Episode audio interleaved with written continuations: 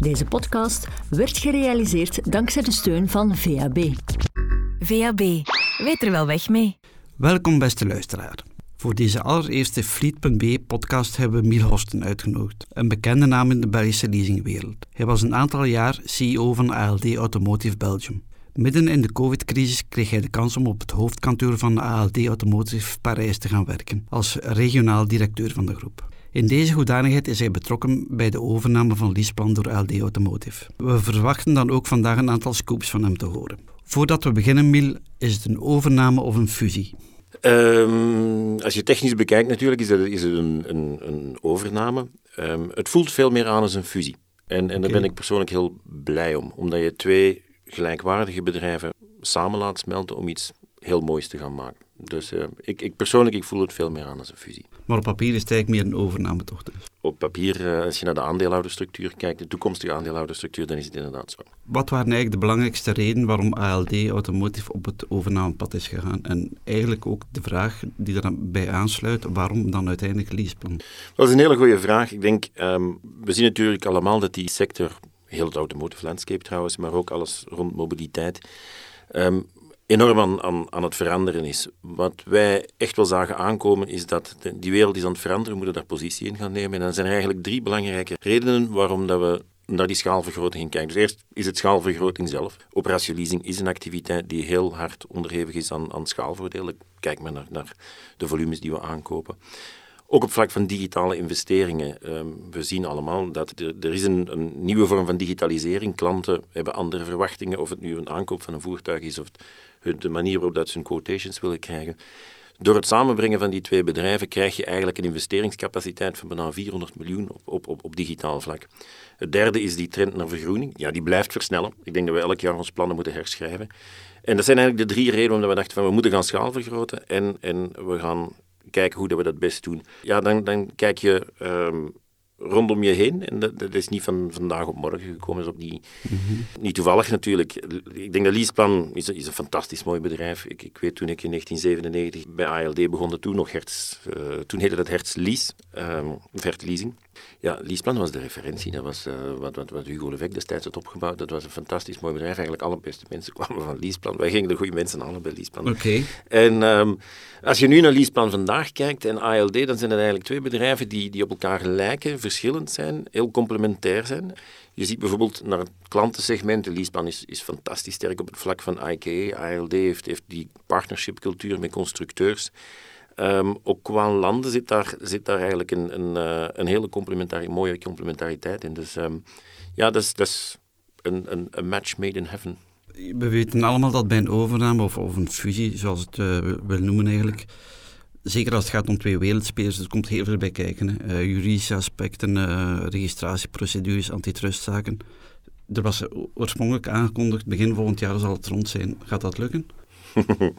um, laten we het zo zeggen. Ik, uh, we zitten op schema. Het, het, is inderdaad het is een, heel, uh, een hele complexe transactie. Om, om, om die transactie te doen slagen, zijn er, zijn er drie voorwaarden voor nodig. Dus we hebben de aankondiging gedaan, uh, ik geloof op de avond van 5 januari, of de ochtend van 6 januari.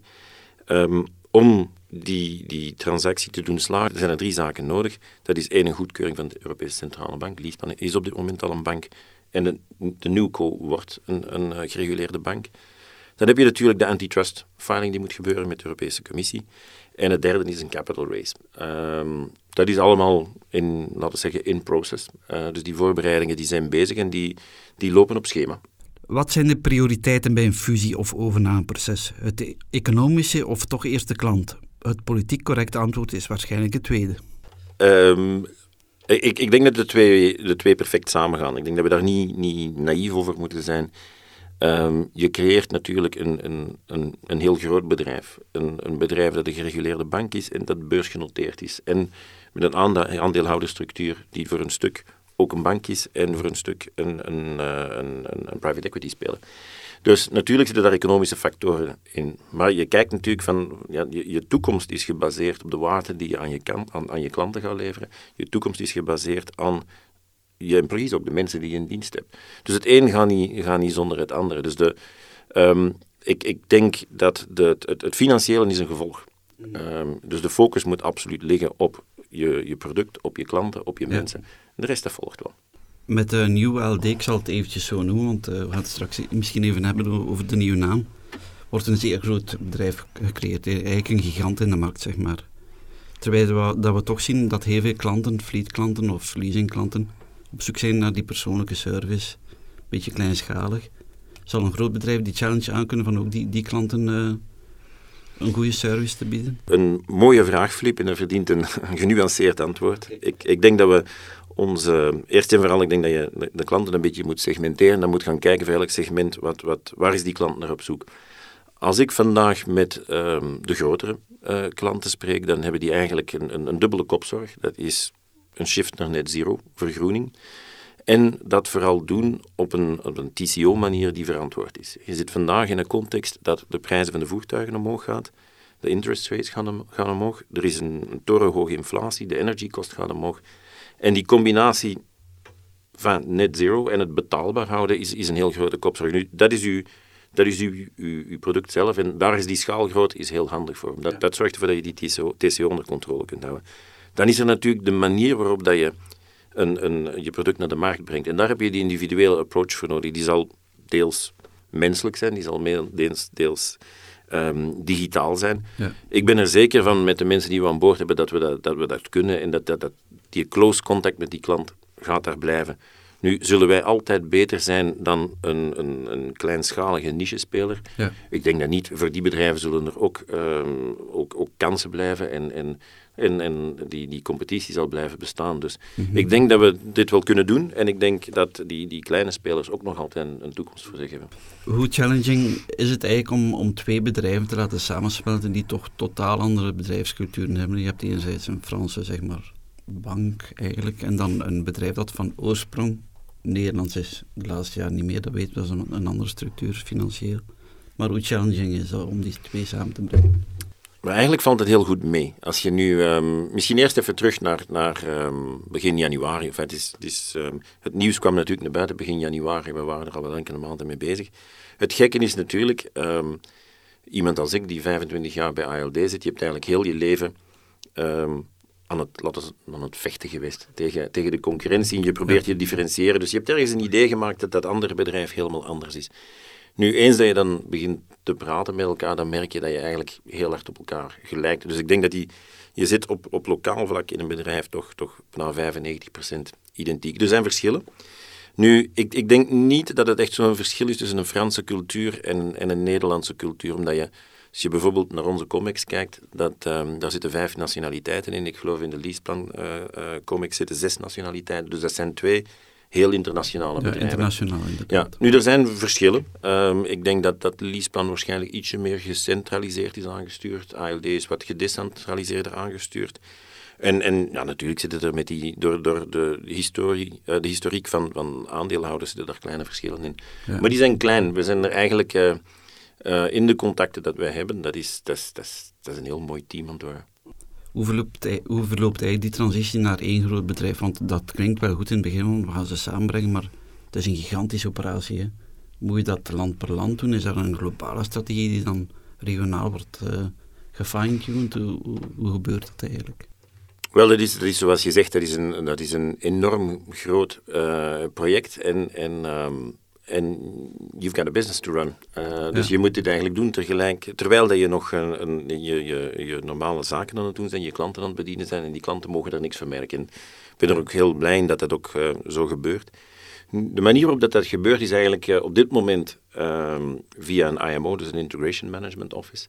En dat is een combinatie van internationale stromen, um, functionele stromen, nationale stromen. En dus dat gebeurt eigenlijk op verschillende niveaus. Dus die teams zijn met elkaar aan het samenwerken op bepaalde punten, want er zijn natuurlijk ook bepaalde punten waar we nog niet met elkaar over mogen praten.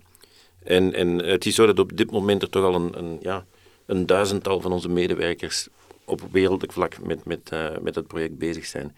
Dus dat, zijn, uh, dat is mooi om te zien, maar dat zijn mensen die allemaal gigantisch gemotiveerd en geëngageerd zijn en, uh, en de boel vooruit duwen. Vandaar ook dat ik geloof in de timing. Ik heb eigenlijk een vraag die er, een heel belangrijke vraag, die daarbij aansluit. Bij een fusie heb je altijd ontdubbeling van functies, zeg maar. Er gaat een sociaal impact zijn. Kan je daar iets over zeggen? Ja, ik kan er, ik kan er zeker iets over, over zeggen. Ehm, ik denk dat op dat vlak ook de, de, de, de timing heel goed is. En ik, ik, denk dat je het echt... Wat je niet mag vergeten is dat wij in, in, in een andere league gaan spelen. We gaan... Ehm, het is nummer twee en nummer één die samen gaan. Ehm, dat gebeurt ook omdat we in de toekomst de concurrentie moeten gaan aangaan met bedrijven als Volkswagen Financial Services. Met, met een tandem Stellantis Crédit Agricole. Uh, met constructeurs, met techbedrijven.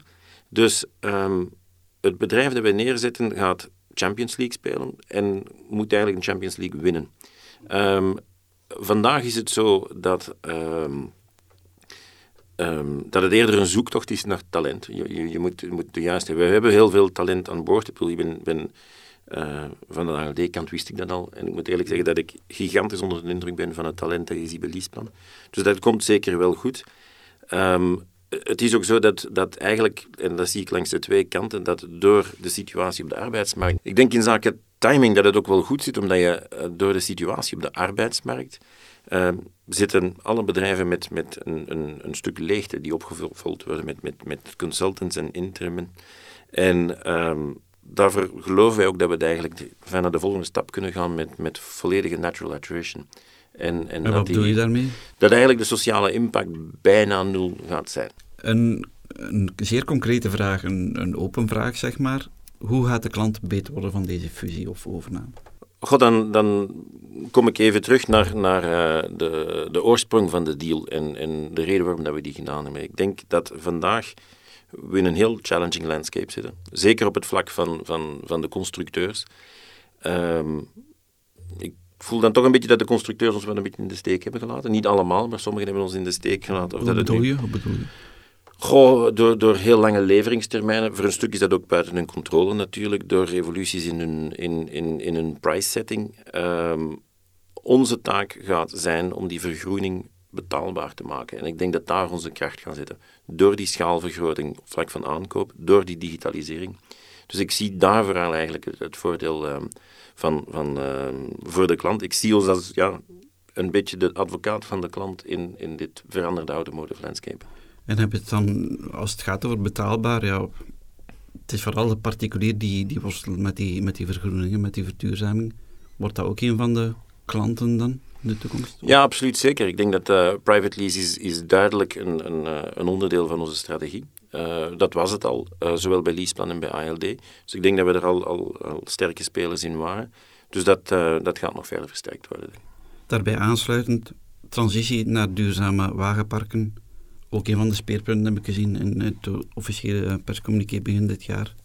Zie je daar grote uh, strategische verschillen tussen beide bedrijven vandaag?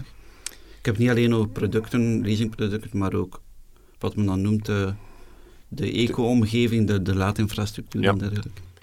Um, nee, ik, ik, ik vind die verschillen tussen ALD en Leaseplan eigenlijk niet groot. De visie daar rond, over de rol die wij moeten gaan spelen in de ecosystemen, die is eigenlijk dezelfde. Wat ik wel zie, uh, en ik heb er natuurlijk minder zicht op aan, aan de Leasebank-kant, meer aan de ALD-kant, is dat de, de, de, het niveau van maturiteit land per land nog altijd heel groot is. Als ik dan uh, naar mijn eigen regio's kijk, bijvoorbeeld Noorwegen is, is absoluut een trendsetter okay. uh, op dit vlak. Um, Benelux, dat begint van... Nederland was ook wel een beetje de voorloper. België met zijn wetgeving, ja, dat begint ook aardig te lukken. Maar ja, de, de, grotere landen in Europa lopen toch nog altijd een beetje achter. Dus ik denk dat er niet zozeer een verschil is tussen ALD en Leaseplan. Ik denk dat er nog meer geografische verschillen zijn. Vooral Spanje, Italië en, en, en toch ook nog Frankrijk, die lopen, die lopen achter. Maar de visie die we erover hebben, denk ik dat ongeveer wel uh, dezelfde is. Maar België krijgt goede punten van u, omwille van de wet van Petegem 2026. Ja, België krijgt voor mij een goede punt. Ik weet van in mijn tijd, uh, toen ik nog voorzitter was van Rente, dat wij eigenlijk vooral stabiliteit wilden in de wetgeving. Een wetgeving die verandert en die de horizon op een redelijke termijn ligt, daar kan je je op aanpassen. Mhm. Dus ik, um, ik vind dat wel goed. Ja, de, de fiscaliteit in België lijkt nog altijd een beetje op, op ja, ik vergelijk het altijd een beetje met het huis van mijn bomma. Dat is, uh, ja, de, de, in, in die zin dat mijn, mijn, mijn bomma en bompa, die hebben een huis gebouwd voor zes kinderen, dan werden dat tien kinderen, dan werd er een veranda aangezet, ja. een kot aangezet, nog een chauffagekot. En Koterij, dan nog, zeg maar. Koterij. En ja. dan moet je je vragen, is dat vandaag nog het juiste huis met de juiste isolatiematerialen? En ik denk dat het een beetje met de Belgische fiscaliteit ook is. Dus, dus soms, ja, misschien denk je van breek het af en zet een nieuw huis. Uh, en, en, een mooier huis dat meer aangepast is aan de tijden van vandaag. Maar ik denk dat um, de, de, de wetgeving in België over de fiscaliteit van die bedrijfswagens. Ik, ik, ik, moet eerlijk zijn, ik volg niet meer elk detail. Maar um, het, het heeft, geeft een duidelijke horizon. En dat heeft op zich al een uh, verdienste. Dus wanneer twee bedrijven samensmelten, heb je altijd, er wordt gekeken naar schaalvoordelen, dat is logisch ook. Hè. Op welke vlakken gaan jullie vooral kijken in, in, dat, uh, in dat opzicht?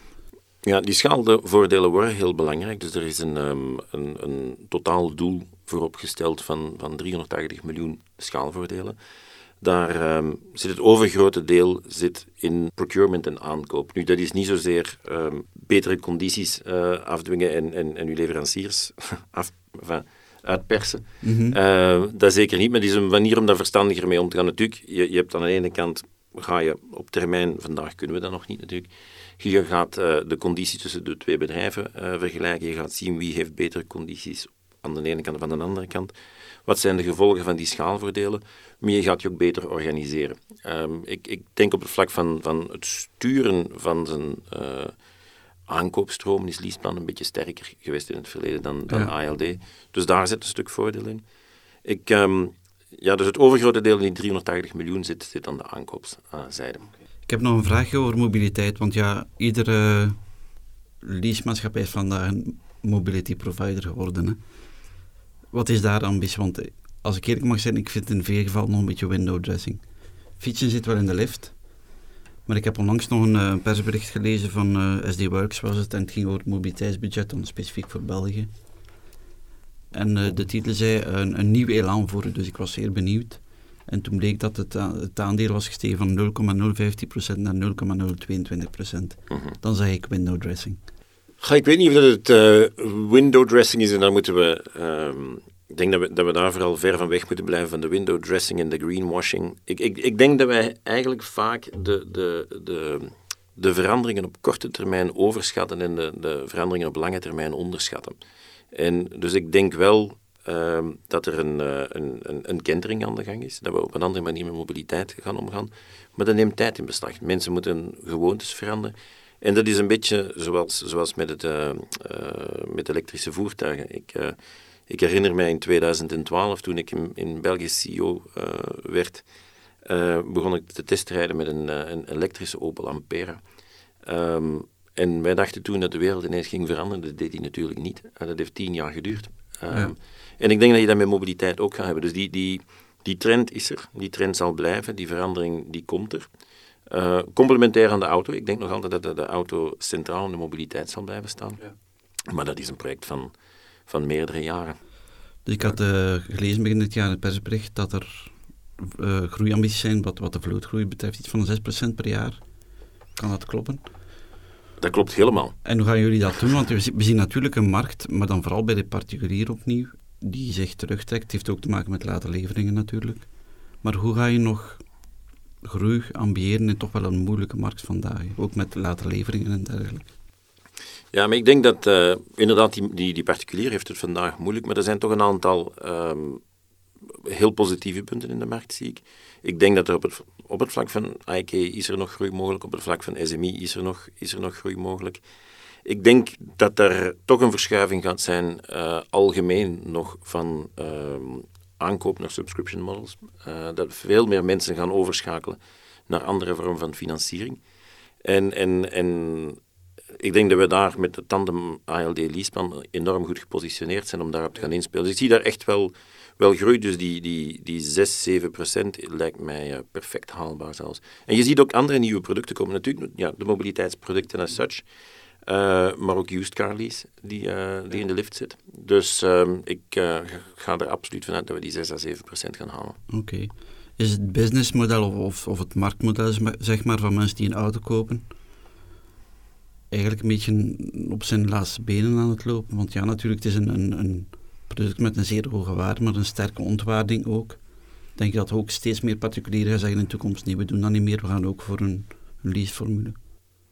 Ja, ik denk dat wel. Ik, uh, ik denk dat het, uh, de eigendom van een voertuig dat dat op zijn einde loopt. Dus ik, ik, ik denk dat mensen uh, gaan overschakelen naar leasing of, of subscription formules en, en, en, de scheidingslijn tussen de twee is soms een beetje vaag. Maar ehm, ja, waarom zou je je spaarcenten gaan investeren in een asset die waarde verliest? Je kan Ja. beter... Ja. Je, kan, eh, er zijn Le- veel aan... leuke, leuke, of interessante Ja, ik, dingen ik, ik, ik wou zeggen, je kan er beter ALD-aandelen van kopen. Wat zijn de te verwachten trends op het gebied van vlootbeheer in de komende jaren? En waar zou nieuw LD een voorloper kunnen zijn op dat vlak? Wel, ik denk dat we de volgende twaalf maanden toch nog wel ehm, een beetje in de problemen gaan zitten met, met supply chain. Die situatie is zich aan het oplossen en, en, en redelijk snel. Ik denk dat de semiconducteur-crisis achter ons ligt-. We hebben nog een beetje een logistiek eh, probleem, of de constructeurs hebben een, een, een logistiek probleem. Zitten met die problemen met die inflatie, maar enfin, ik, ik ga ervan uit dat we toch terug naar een, een- een, een back to a new normal gaan komen eh, de volgende jaren. Waar zitten voor mij die grote trends? Duidelijk vergroening, een duidelijke shift naar net zero. Eh, de meeste bedrijven echt toch met een ambitie richting net zero 2030. Die combinatie met, met ehm, een, een, een duidelijk management van, van, van TCO, dat kan alleen maar met een, door een heel transparante relatie tussen een, een, een, een leasemaatschappij of een mobiliteitsmaatschappij en zijn klanten. En, en daarnaast, goh, de trend van digitalisering komt erdoor. Ik denk al, de grootste verandering, denk ik, gaat komen in, in het feit dat de rol van een, een, een leasemaatschappij veel ruimer uh, moeten worden. Kan, om er twee voorbeelden op te geven, is, is uh, bijvoorbeeld het vlak van, van de elektrificatie. Um, het gaat niet meer gewoon om autootjes op de baan te zetten. We moeten gaan kijken van hoe bevoorraden we mensen van energie bij hen thuis, maar ook op Ja. kantoor. Wat zijn de juiste setups daar? Hoe, wat voor laders moeten daar zijn? Um, hoe handelen we die terugbetaling van, van Ja. elektriciteit?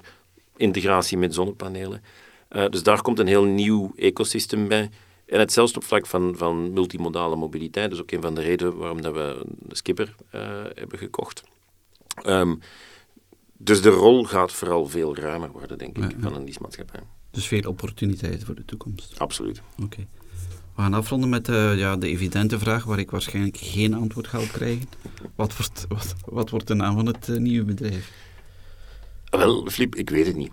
Uh, wat ik wel weet je, je is... weet het niet of, of je mag het niet zeggen. Nee, nee, nee, nee. Ik, ik weet het niet, want hij is nog niet bepaald. Uh, maar uh, wat ik wel weet is dat het niet ALD of niet ALD Automotive zal zijn en het zal ook niet Leadspan zijn. Dus, Dus een er- compleet nieuwe naam. komt een compleet nieuwe naam die eh, klaar is voor eh, nog eens 50, 60 jaar eh, een, hele goeie, een hele mooie toekomst. oké. Dankjewel voor dit gesprek, Miel Horsten. Dankjewel, Flip. Altijd een plezier.